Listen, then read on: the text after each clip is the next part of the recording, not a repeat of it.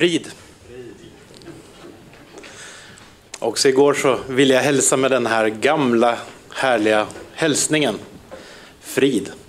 Den är åtminstone så gammal så att den finns i Bibeln. Så minst 2000 år gammal. Shalom. Och eh, på swahili kan man också använda det här härliga ordet. Frågar man salama? Frid? Frågetecken. Salama. Det är frid. Och ni vet, på arabiska också, salam aleikum. Frid över er. Eller över dig. Eller, nu har jag övat här på min arabiska. Jag måste testa det här. Salam aleikum wa rahmatu Allah wa barakat. Guds frid och barmhärtighet och välsignelser över er. Visst är det en härligt sätt att hälsa varandra på? Därför finns också uppmaningen om att det är så vi ska hälsa på varandra, med frid. Och hur ser det ut här i Götene? Det vet ni mycket bättre än jag. Hur ser det ut här ute på gatorna? Hemma i folks sovrum, deras vardagsrum, deras kontor, på arbetsplatserna. Är det frid? Det kanske det är. Jag vet inte. Men det kan alltid bli lite mer frid. Eller hur? Och det är, tror jag, det som vi är kallade att bära med oss ut i samhället. Var vi än går, frid. För det är någonting som varje människa längtar efter. En djup frid. Eller hur? Det finns så otroligt mycket ofrid i den här världen. I de små sammanhangen till de stora sammanhangen. Eller hur? Vi har bett här för Ukraina. Självklarhet, ofrid, det behövs frid. Vi ber om frid. Men vi kan också vara med och föra ut frid, som jag vet att ni gör här, hur mycket som helst. Jag har varit och kollat här i er kyrka igår. Jag blev så berörd bara av att se de här små lapparna inne på toaletten. Jag tog en bild på det faktiskt. Jag berättade det igår, men det, det berörde mig. Därför att det är någon som har tänkt, inte bara det att vi ska dela ut den här hjälpen, utan också att vi har satt det där inne så att man kan ta det lite i smyg och stoppa i fickan och gå ut. De här detaljerna i hur man hjälper människor, jag älskar att se det. Också där ute jag såg att det fanns en grupp här i församlingen som hjälper de som hjälper andra. Va? Så ska det vara. Tack för att ni finns. Det är underbart. Och i Jesaja kapitel 9 så står det om den här, vår Herre. Vad kallas han i Jesaja 9, vers 6 och 7? Vi behöver inte läsa alltihop det. Men där står det att han är fridsfursten. Det är han som är kung över det som kallas frid. Det är han som kommer med det här. Och han kommer med ett herradöme där friden är utan slut. Oändligt med frid. Ja, och det kommer att hålla i evig tid. Det här riket som han kommer med, det är liksom, jag höll på att säga upp och nervänt rike, men det är egentligen det rättvända riket. Eller hur? Det är tvärtom mot vad vi är vana vid att se. Mäktiga kungar, de som bestämmer. Utan han kommer med frid. Istället för att trycka ner andra och roffa åt sig, så kommer han med frid. Och det är precis det vi ska göra, om han är vår Herre. Om han verkligen är vår fridsfurste. Idag kommer predikan handla om kallelsen, att gå och frid. De hänger nämligen ihop. Vi ska börja med Matteus 4 och verserna 18-19. när Jesus kallar sina allra första lärjungar. Det finns en hel del att lära sig där. Hur går det till det här med kallelsen? Vad är det för folk som Jesus kallar och hur går det till? Är det uppe? Matteus 4. När Jesus vandrade ut med Galileiska sjön, då fick han se två bröder. Simon, som kallas Petrus, och hans bror Andreas. De kastade ut nät i sjön, för de var fiskare. Han sa till dem, följ mig, så ska jag göra er till människofiskare. Vad lär vi oss här? Nu får ni vara med lite. Vem är det som kallar? Det är Jesus som kallar, visst? Det är ganska tydligt. Bra, det är en viktig sak. Jesus är den som kallar. Det är den viktigaste saken. Men när kallar han? Vad ser vi i texten här? När kallar Jesus? När han fick se dem. Och innan han såg dem, vad gjorde han då? Han vandrade, han var ute och gick. När han gick. När han var ute och vandrade. Okej, okay? och mera, vad lär vi oss mer om? När var det som han kallade dem? Det här var Jesus perspektiv, han var ute och gick. Hur är det med lärjungarnas perspektiv? När kallade Jesus dem? Mitt i arbetet. Va? Mitt i vardagen. De var fiskare, det här var deras liv. Mitt i deras liv, i vardagen, så kallar Jesus dem när han är ute och går.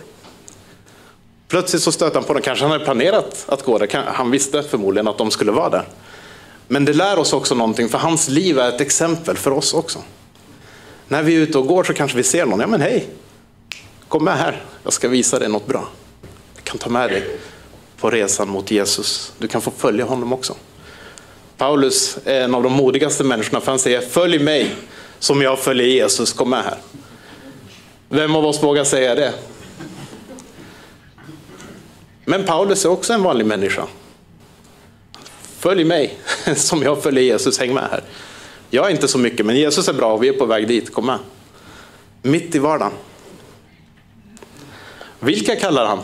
Vad kan vi lära oss mer om de här? Vem är det som han kallar? Vanliga, vanliga människor, tack. Helt vanliga fiskare. Det fanns många fiskare tror jag där. Helt vanliga. Och längre fram här så läser vi att han kallade två till. Och vad lär vi oss mer om, om de här? Vanliga människorna, vanliga fiskare. Det finns en viktig detalj. Tack Jakob. Bröder familj. De får komma tillsammans. Jag tycker det är underbart att de får gå tillsammans och följa Jesus. Vad ska de göra då? Vad kallar han dem till? Vad är det första de ska göra? Följ mig. Yes, följ mig. Alltså det är, han, är, han är fått.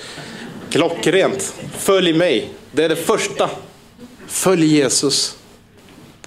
Vad måste man göra för att följa honom? B. Jättebra.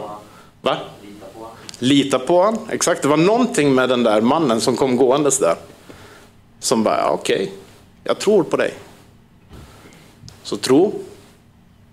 Och så måste man ju faktiskt konkret släppa allt och gå. Du kan inte följa någon utan att gå. Möjligtvis om du kör bil efter någon. Men, men du måste ta de här stegen, du måste röra på dig i en viss riktning efter honom följa med honom. Det var en predikan här förra söndagen. Eh, det var faktiskt inledningsordet till förra gudstjänsten i Borgå hemma. Och då frågade han, Jesus är vägen, vad betyder det? Ronja fem år, upp med handen. Jaha Ronja, va? Va, vad betyder det? Ja, det betyder att vi ska följa i hans spår. Jaha, och så hör, jag kände att hon hade mer att säga men det gick vidare i gudstjänsten. Så jag frågade henne vid lunchen efteråt. Vad var det du ville säga? Jag kände att du ville säga någonting mer. Vad betyder det att följa Jesus? Ja, det är inte bara det att man följer hans spår. Det är inte som spår i sanden som man följer. Nej, Nej det handlar om att man går efter honom och så gör man som han gjorde. Va? Det var starkt. En liten predikan bara det. Och vad kallar han dem till? Förutom att följa honom. Bli Jesu efterföljare, vara lärjungar. Och vad är löftet? Det finns ett löfte här också, tack och lov. Han ska göra dem till människofiskaren. Han ska göra dem till lärjungar som gör lärjungar. Det är inte vi, det är inte du, inte ens Mikael, utan han ska göra dem till människofiskare. Men vi får vara med. Följ mig så som jag följer Jesus. Så tar vi dem till Jesus. Upp med på den här resan. Yes. Här handlar det om att följa och att gå. Ni vet Vi kommer att komma tillbaka och läsa hela den texten. Vi läste den mycket igår. Missionsbefallningen i Matteus 28 i slutet där. Det är när Jesus skickar vidare dem. Nu ska han upp till himlen. Men här, ni ska gå. Fortsätt att gå. Och löftet finns kvar. Jag är med er. Så hela det här med att vara lärjunge handlar tydligen om att gå. Vi ska läsa i Jeremia, för det här är ju inget nytt, utan det finns också i Gamla Testamentet. Jeremia kapitel 6, vers 16. Står det så här, så här säger Herren, ställ er vid vägarna och spana. Fråga efter de urgamla stigarna. Fråga efter den goda vägen och vandra på den. För då ska ni finna ro för era själar. Men de svarade, vi vill inte vandra på den. Vad var löftet i den här texten? Om ni gör det här så får ni frid. Ser ni det? Spana efter de där gamla vägarna, stigarna. En stig och en väg, det betyder att någon har gått före. Eller hur? Det finns ju ingen stig där om, om det är första gången du är ute i vildmarken och ska ta dig fram. Nej, här är någon som har gått tidigare, sedan långt tillbaks i tiden. Det är ingen ny väg. Den är gammal. Men spana efter den, sök efter den. Och så kan du gå på den och då kommer du att få frid.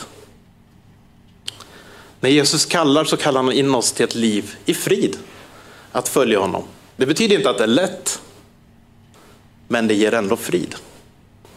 Och det är lyx. Frid är en lyxvara. Definitivt. Och i psalm 119, det är för övrigt det är en bra psalm. Läs den varje morgon. Nej, den är väldigt lång. Men den är väldigt, väldigt härlig. För den handlar om Guds ord. Alltså, att få den kärleken och den passionen för Guds ord som det talar om i den salmen. Det är bra grejer. Men det står bland annat det här och det finns en, en härlig barnsång. Nu är inte de här, tyvärr. Men vi kanske känner igen sången vi också. Psalm 119 och vers 105. Ditt ord är mina fötters lykta och ett ljus på min stig. Den här stigen jag ska vandra, den där urgamla stigen, det som lyser upp den stigen för mig, varje steg jag ska ta på min vandring efter Jesus, den står i Guds ord. Det är 100% supercentralt att vi följer Guds ord. Annars kommer vi inte gå på rätt stig.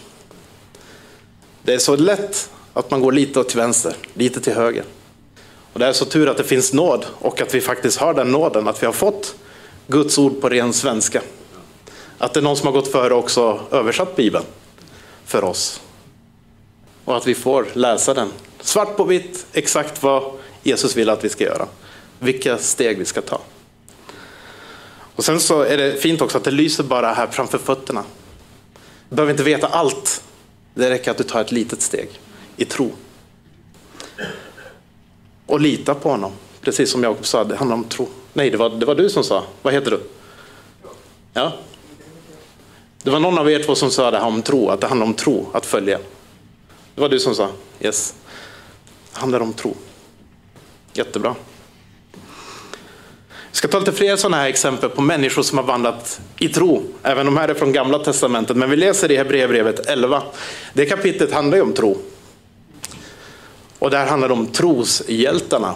Hjältarna som vågade gå i tro. Som vågade trampa på samma stig, den här urgamla stigen. Hebreerbrevet 11, vers 7 och 8. Kolla på det här. I tron byggde Noa en ark i helig fruktan för att rädda sin familj. Efter att Gud hade varnat honom för det som ännu ingen hade sett. Och genom tron så blev han värden till dom. Men han ärvde den rättfärdighet som kommer utav tro. Och i tron så lydde Abraham när han blev kallad att dra ut till ett land som han skulle få i arv. Han gav sig iväg utan att veta vart han skulle komma. Känns det läskigt? Gud säger åt Abraham, hördu, gå ditåt. Och så står det att han lydde honom direkt. Han packade ihop alltihop, tog med sig alla djur, familjen och så gick han ditåt. Och allt eftersom så förklarade Gud vad det var han hade för plan och vad som skulle hända vid nästa steg. Det är ganska modigt va? Men han fick också sin kallelse. Gå ditåt. Följ mig. Resten är historia, skulle man kunna säga. Noa, det var också ett ganska häftigt projekt han fick. Bygg en jättestor båt med din familj. Och byggde och byggde och byggde och byggde och ingen hade sett något regn. Folk skrattade säkert åt honom. Men bygg, bygg, bygg, bygg. Och sen så kommer regnet. Och han får vara sin familj till räddning. Och massor med djur dessutom. Vad hade hänt om de här inte hade gått? Hade vi suttit här idag? Det är frågan. Det är frågan. Utan Noa, utan Abraham, hade vi suttit här och firat gudstjänst idag? Att ta steg, det handlar om att göra som Jesus säger. Att följa stigen. Och det är också här som äventyret börjar. Alltså livet som kristen kan vara otroligt tråkigt. Det tror jag är en fördom också som många har. De kanske har sett eller känt på att det kan vara otroligt tråkigt att vara kristen om du inte lever det här livet av tro. För gör du det, då blir det väldigt spännande. Du behöver inte åka till andra sidan världen. En del av er har kanske fått den kallelsen specifikt. Du ska åka någonstans, du ska åka dit. Jag fick det. Men fastän jag är i Finland, fast jag är i Sverige, så är fortfarande min kallelse densamma. Att göra det Jesus gjorde. Att följa honom. Att läsa Guds ord och ta steg i tro. Det spelar ingen roll var man är. Det är fortfarande samma sak. Och genom Bibeln och genom historien där så ser vi att det handlar om helt vanliga människor, hela vägen. Noa vet jag inte så mycket, han var ganska gammal när han började, han var flera hundra år så det är inte jättevanligt. Men Abraham, han var vanlig, han var en äldre man. Paulus, ja lärjungarna, allihop, de var vanliga. Visst, de fick vara med om häftiga saker när de började gå. Paulus, han var en vanlig man, han var väldigt lärd. Han hade också två kulturer. Third culture kid skulle han kallas. Men helt vanlig, han också. Ester, Maria, Jesu mamma. Också helt vanlig tjej. Men fick vara med om häftiga saker för att hon sa, ja låt det ske med mig så som du vill. Eller hur? Sen händer det häftiga grejer. Ja, de är hur många som helst. Daniel vanlig, David vanlig, Jona vanlig, väldigt vanlig. Han sprang ifrån. Han ville inte ens gå med. Nej, jag tänker inte gå dit, jag är rädd för det. Så hoppade han på en båt och det blev ännu värre. Och sen är en fisk, ännu värre. Och sen kommer han dit och så gör han det han ska göra, han predikar evangeliet. Sen blir han förvånad över att Gud har nåd över det här folket. Visst är han väldigt mänsklig. En väldigt vanlig filur. Rahab, hon var inte ens Israel. Eller hur? I Jeriko. Men hon bara, nej men jag tror på er Gud, jag vill tro på honom. Så jag hjälper er. Men snälla, bevara mig och min familj. Absolut, det är klart du ska vara med. Sen blir hon också förmoder till David och därmed också till Jesus släkt. Coolt va? Rahab och Mose. Även han. En vanlig människa. Häftigt liv, men en vanlig människa. Vi har lite fler vanliga exempel också från idag förstås. Jag ska ta ett exempel ifrån Ibras värld. Ni såg här, sänder media och sen börjar uppföljningsarbetet. Och så fanns det ett litet klipp där om hur de upptäcker Bibeln, massajerna. Vi ska ta precis från det stället där. Det är eh, en kille som heter Lalasche. Han lyssnade på radion eh, i februari 2019. Det börjar bli några år nu. Han lyssnade på radion där och han var en av de absolut första efter att vi började ändra vårt uppföljningsarbete till att göra det här med bibelupptäckande och starta grupper och nå familjen mer målmedvetet. Han ringer in och säger att ja, men jag, jag vill tro på Jesus. Okej? Okay. Och som han uttrycker det att ni fann mig Det var ju förstås inte vi som fann honom. Vi råkade bara skicka radio och Gud fann honom genom det. Och han fick ett telefonnummer, ringde tillbaka och sen började resan för honom. Så vi gav honom några bibelord, började i första Mosebok. Läs det här kapitlet. Eller allra först så var det, har du några vänner? Vi skickade ut fem meddelanden. Grattis till ett bra beslut att vilja följa Jesus. Vill du, det här är vårt telefonnummer, vill du ha kontakt med oss, hör av dig. Mera, så hjälper vi dig. Och sen kommer nästa sms. Är det så att du är intresserad utav, utav eh, mer om livet. Du kanske ser att det finns ofrid i världen. Du kanske funderar varför är det så? Varför finns det en massa orättvisa? Varför finns det en massa ondska? Och varför är skapelsen så vacker som den är? Du kanske har frågor om det här. Vill du veta var det kommer ifrån allting? Hör av dig. Okej, okay, så hör de av sig. Dunk, dunk, dunk. Då börjar vi ana, vi pratade lite om det igår, det här kanske kan vara en fridens person. En Nikodemos typ, som har frågor som vill veta mer. Ja, kommer det ett svar? Ja, jag vill veta mer. Vad bra kommer nästa. Du kanske känner någon till som vill veta mer. Kanske din familj eller din arbetskollega eller en vän. I så fall samla ihop dem lite grann och så skickar du ett mess till till oss. Så ska vi hjälpa er hur ni kan upptäcka det här tillsammans. Hur ni kan gå på de här stigarna efter Jesus tillsammans.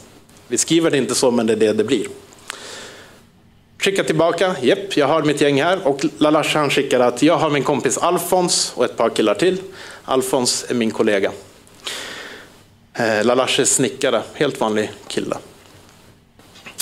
Ja, de skickar och då skickar vi ut hur man upptäcker Bibeln. Så här ska det göra. Ni ska läsa det bibelställe vi skickar till er.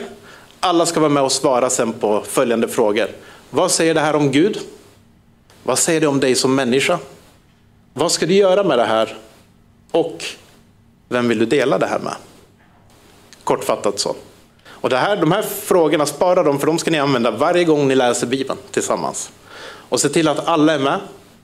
Och Bibeln är det som har svaret. Gå inte utanför det som står där. Okej? Okay?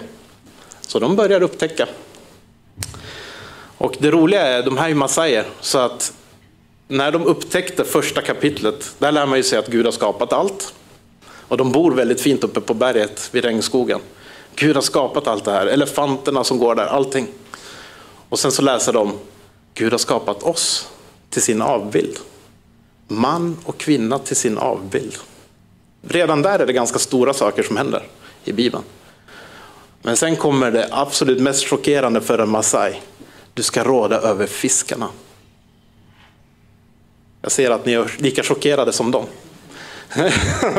Inte riktigt lika. För en masai så är fisken hemsk. Det är ju ormen, det är värre än ormen. Det är riktigt illa. Men här står det att vi ska råda över fisken. Så där, där stannade de länge, berättar de sen. Att de hade diskuterat, det här var liksom en viktig vers för dem. Men de upptäcker de här sakerna. Och saker börjar hända när de börjar leva efter det. Och i april efter två månader så ringer han och säger att vi har också upptäckt saker om bön här. Ja, ja och jag, jag bad. Ja, vad har du bett om? Nej, det är så att jag hade, jag hade kackerlackor i mitt hus. Ja, det är ju ofrid kan man ju säga. Har massor med kackerlackor hemma. Finns inga anticimex där uppe heller. Så jag bad och kackerlackorna försvann. Och det här var en stor händelse i hans liv. Och i juni då, de är fortfarande tre personer och upptäcker, men i juni så Alfons pappa, hans kompis pappa, han är jättedålig. Han eh, kan inte äta, han kan inte dricka, han kan inte bo hemma, han är mörkrädd och mår jättedåligt. Och när han inte har druckit på länge så börjar det bli illa. Så Alfons ber Lalashe, kan vi inte ta honom till sjukhuset? Och det är ganska långt, du måste ner för berget och iväg in till sjukhuset. Så Lalashe säger absolut, vi ska ta honom. Vi tar honom på morgonen så fort det blir ljust. Men kan vi be först för honom? Han minns ju kackerlackorna, att det funkade där. Kanske vi kan be för din pappa också. Så han tar in folk, de är inte troende. Men i tro så tar de det här steget och ber. Och de ber hela natten. Ber för honom och på morgonen är mannen fri. Och då händer det ju grejer. Gud bekräftar sitt ord genom under och tecken.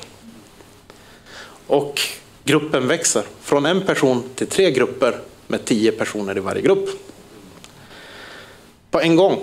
För att nu har det ju hänt grejer. Gud har visat att han är på riktigt och att han menar allvar med det här gänget. Och bekräftar att det är bra, följ med mig så får ni frid. Så i februari och mars, de här fortsätter att träffas och det växer där. En av grupperna, grannar här nere, de är muslimer. De är inte massajer utan muslimer. Men de kommer också med på vandringen och går tillsammans. Familjer, grupper. Det var flera andra grejer som var ofri där uppe. Eh, men där Gud bara lägger saker på plats. Så att Lalashes bror, han var efterlyst. För de lever där uppe vid regnskogen och myndigheterna trodde att de var där och, och eh, kapade regnskogen illegalt. Lalashe var snickare som sagt. De trodde att de håller på med något fuffens där uppe, så brorsan var efterlyst. Men det som har hänt nu efter det här, det är att han som var efterlyst, hans bror, han är myndigheten där uppe. Han är numera byordförande, han och hans fru. Så liksom det vänder kaos till frid i familjen. Och i februari och mars förra året, då läser de Apostlagärningarna kapitel 1 och kapitel 2. Vad hände där Mikael? helig ande. Helig ande. Precis, det är där det händer. Det är där det händer. Jesus säger, vänta här. Så ska jag sända någonting till er. Stanna här, så händer någonting. Och när, ni, när det händer, då kommer ni att få kraft att gå ut i hela världen. Börja här hemma och sen vidare ut i hela världen. Till jordens yttersta gräns. Men vänta här först. Och de läser och ser att lärjungarna de bad och fastade där tio dagar. Och sen i kapitel två så händer det. Och de bara, åh, det här vill vi ha. Så de läser där uppe, de upptäcker det här i grupperna. Och de fastar och ber. Och plötsligt händer det. Ingen var där, ingen bad för dem, ingen la händerna på dem. Det bara händer för att de går i tro på Guds ord. De vandrar stigen som de där lärjungarna gick på. I tro och lydnad till Guds ord. Och det smäller till. Och det som är häftigt med det här, då ringer de givetvis som vanligt och berättar vad som har hänt. Eh, och det är, vårt team, de är så få, så de hinner inte vara där hela tiden. Utan det mesta får de klara på egen hand tillsammans med Jesus där uppe. Och det är ganska tryggt ändå att lämna över de här lärjungarna i Jesu händer direkt. Men ändå, vi vill också ha en relation och vi vill också kunna hjälpa dem. Om de har frågor, liksom, men läs i det här bibelstället då, eller kolla här. Eh, så de, de hör av sig och berättar det här. Och sen så hade vi pastorsbesök i Tanzania. Eh, han är pastor, Johan heter han, pastor i Philadelphia i Helsingfors. Eh, och han ville åka ut och kolla hur jobbet går till. Så han fick åka med uppföljningsteamet upp till Alashe. Han visste inte om just den här storyn, utan bara att det var en av grupperna. Han åkte upp dit och sen när han kom ner så frågade jag, hur var det? Så han, vet du, vi har ju varit i en del Masai-byar. Vi har varit och kollat en massa och vi har sett en massa häftigt och gästfria och trevliga folk. Men det var någonting speciellt där uppe. Det var som att det fanns frid. Det var som att det fanns ljus i deras ögon. Ja, spännande, kul att du säger det. Så det är på riktigt. Han kunde känna det utan att veta. Någonting hade hänt när de hade gått på den här stigen. De fick frid. Så, sådan frid så att det smittade av sig på en pastor. Imagine that. Ja. Så, vad är då resultatet så här långt där uppe? Förutom allt det här fantastiska. Jo, men det är att det växer också. Nu, kan ni gissa hur många de är? Ni kanske har hört det här tidigare i något nyhetsbrev eller någonting. Vet ni hur många de är? Så vitt jag vet. De kanske är fler.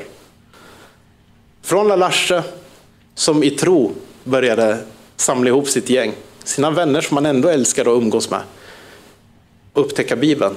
Och de började dela vidare för att de märkte att det här är bra grejer. Vilket det är. Det måste vi tro på, att Bibeln är bra för alla. Nu är de 150 stycken. Från 1 till 150. Det finns ett bibelställe, Matteus 13 och 23. Det är alltså en 150-fald multiplikation som har skett här. Det finns ett bibelställe där.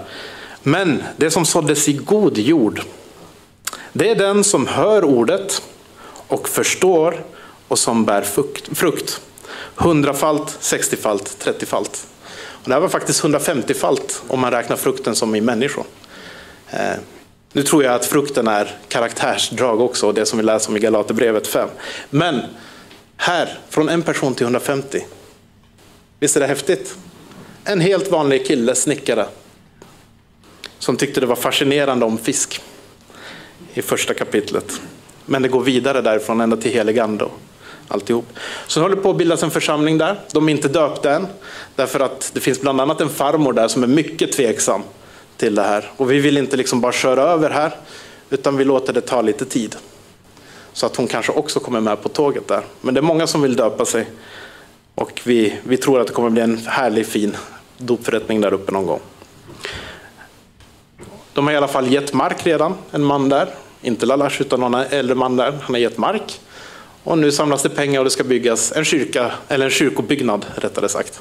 En byggnad där de kan träffas. Och då är det så här att de brukar normalt bygga den i, en så här billig, billig enkel konstruktion brukar vara i trä, restbrädor. Men den här måste de ha i plåt, så den är lite dyrare än vanligt. Och det är för att elefanterna är rädda för plåt. För att annars kommer de och river ner den.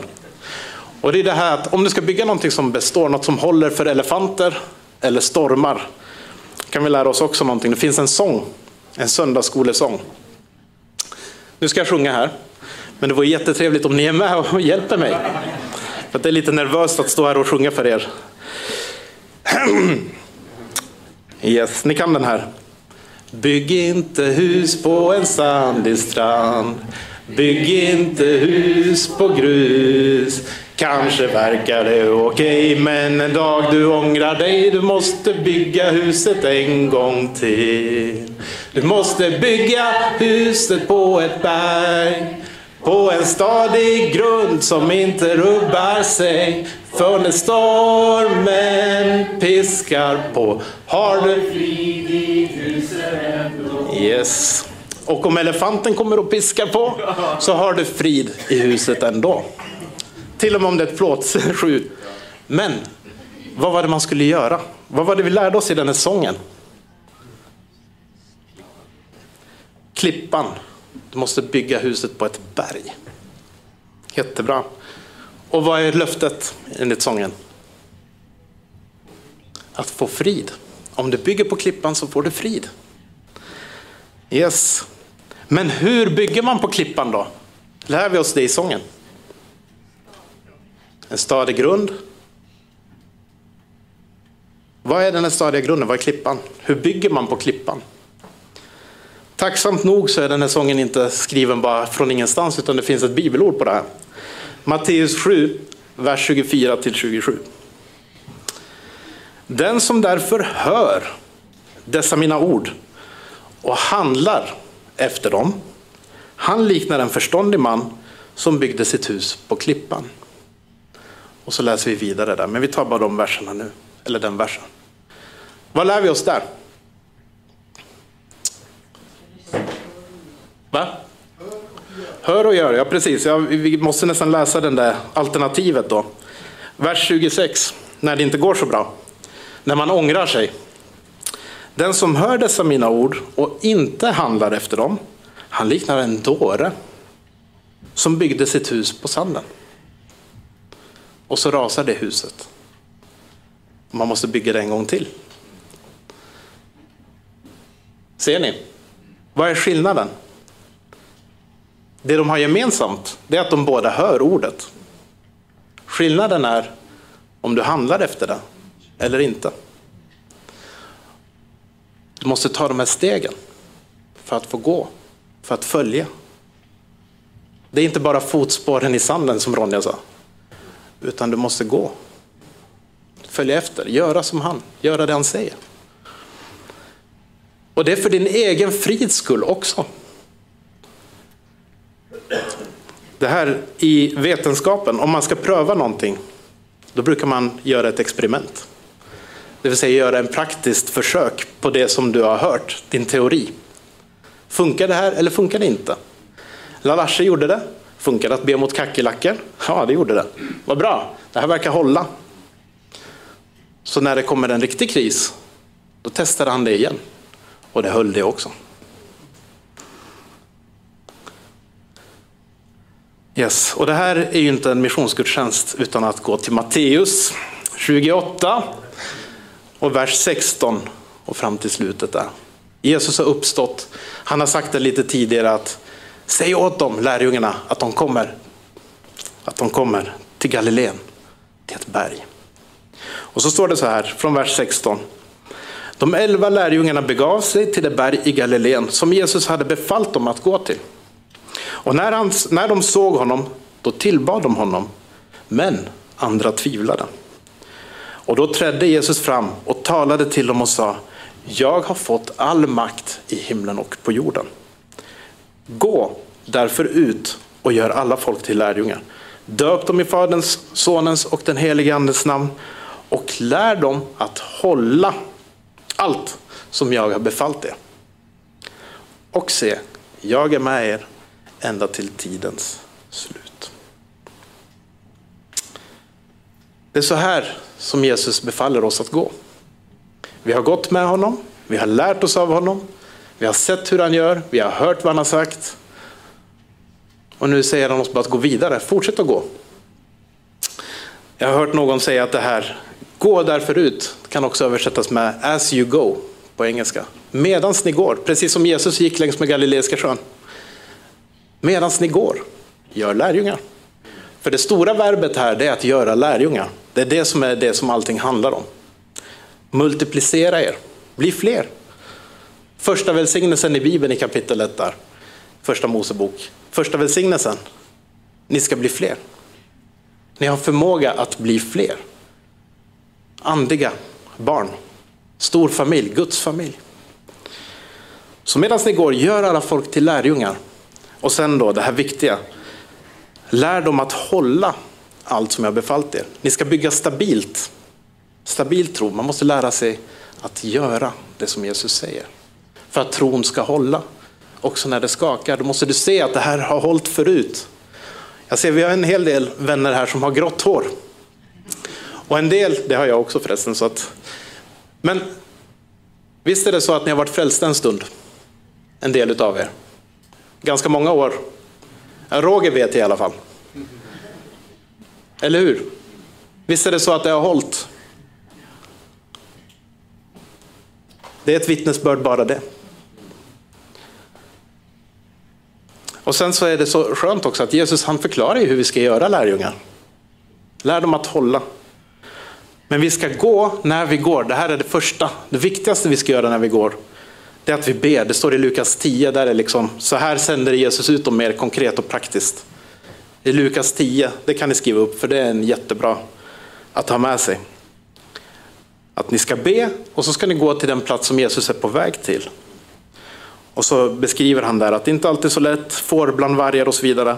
Arbeten är få, be om fler och gå ut. Och sen kommer det i vers 5. När ni kommer in i ett hus, säg då först frid. Visst var jag lydig när jag började? Ja. Säg frid. Och det här ska du säga med ord förstås, men framförallt med hurdan du är. Vad kommer du med när du kommer till den plats Jesus har sänt dig till? Kommer du med fördömelse och dom? Svavelångande? Arg? Besviken? Eller kommer du med frid? Visst? Skapa frid där du går fram. Be om hjälp. Han har lovat att vara med. Men det här är hans vilja. Förut hans frid i världen. Han är fridsfursten.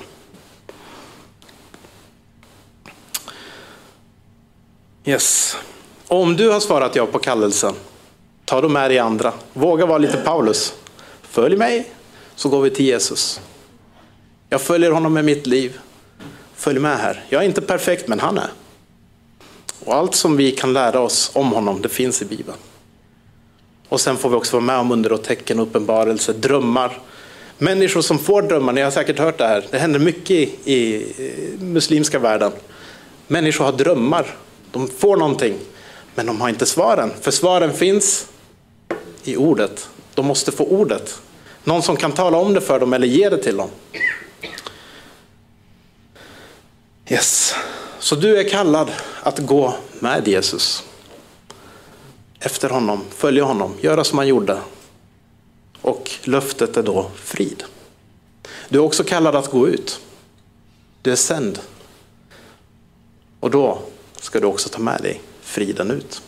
Det du har fått som gåva, ge som gåva. Amen.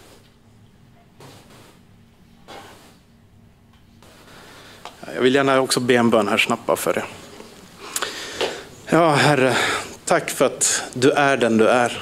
Tack för att du har skapat oss unika var och en. Och tack för det du har lagt ner. Tack för den välsignelse du har lagt i allas våra liv. Att vi får gå och bli fler. Tack Jesus för att du har gett oss ditt ord. Tack för att vi får lära oss om dig, sitta vid dina fötter och bara ta in dina mästerliga tilltal rakt in i våra liv och våra hjärtan. Och tack för att du har gått framför oss. Du har visat hur man lever ett liv enligt Guds ord. Tack för att du är ordet och tack för att vi som församling också får vara med och föra ut ordet och vara dina representanter här på jorden idag. Tack Jesus för att vi får också be om välsignelse över hela staden, frid över Götene, frid över hela den här bygden Herre. Tack Jesus för att människor ska få upptäcka vem du är och få bli barn till vår himmelske fader. Tack Jesus för att de ska få komma in och känna sig delaktiga i din stora familj. Tack Jesus för den kärlek du har och för hur mycket du älskar dem. Och jag tackar dig för den här församlingen som också har svarat ja på kallelsen att visa din kärlek och din frid för göterna. Tack Jesus. Jag ber att du fortsätter välsigna dem och att du också ger dem ännu mer utav din frid, ännu mer utav din kraft. Tack Jesus. Amen.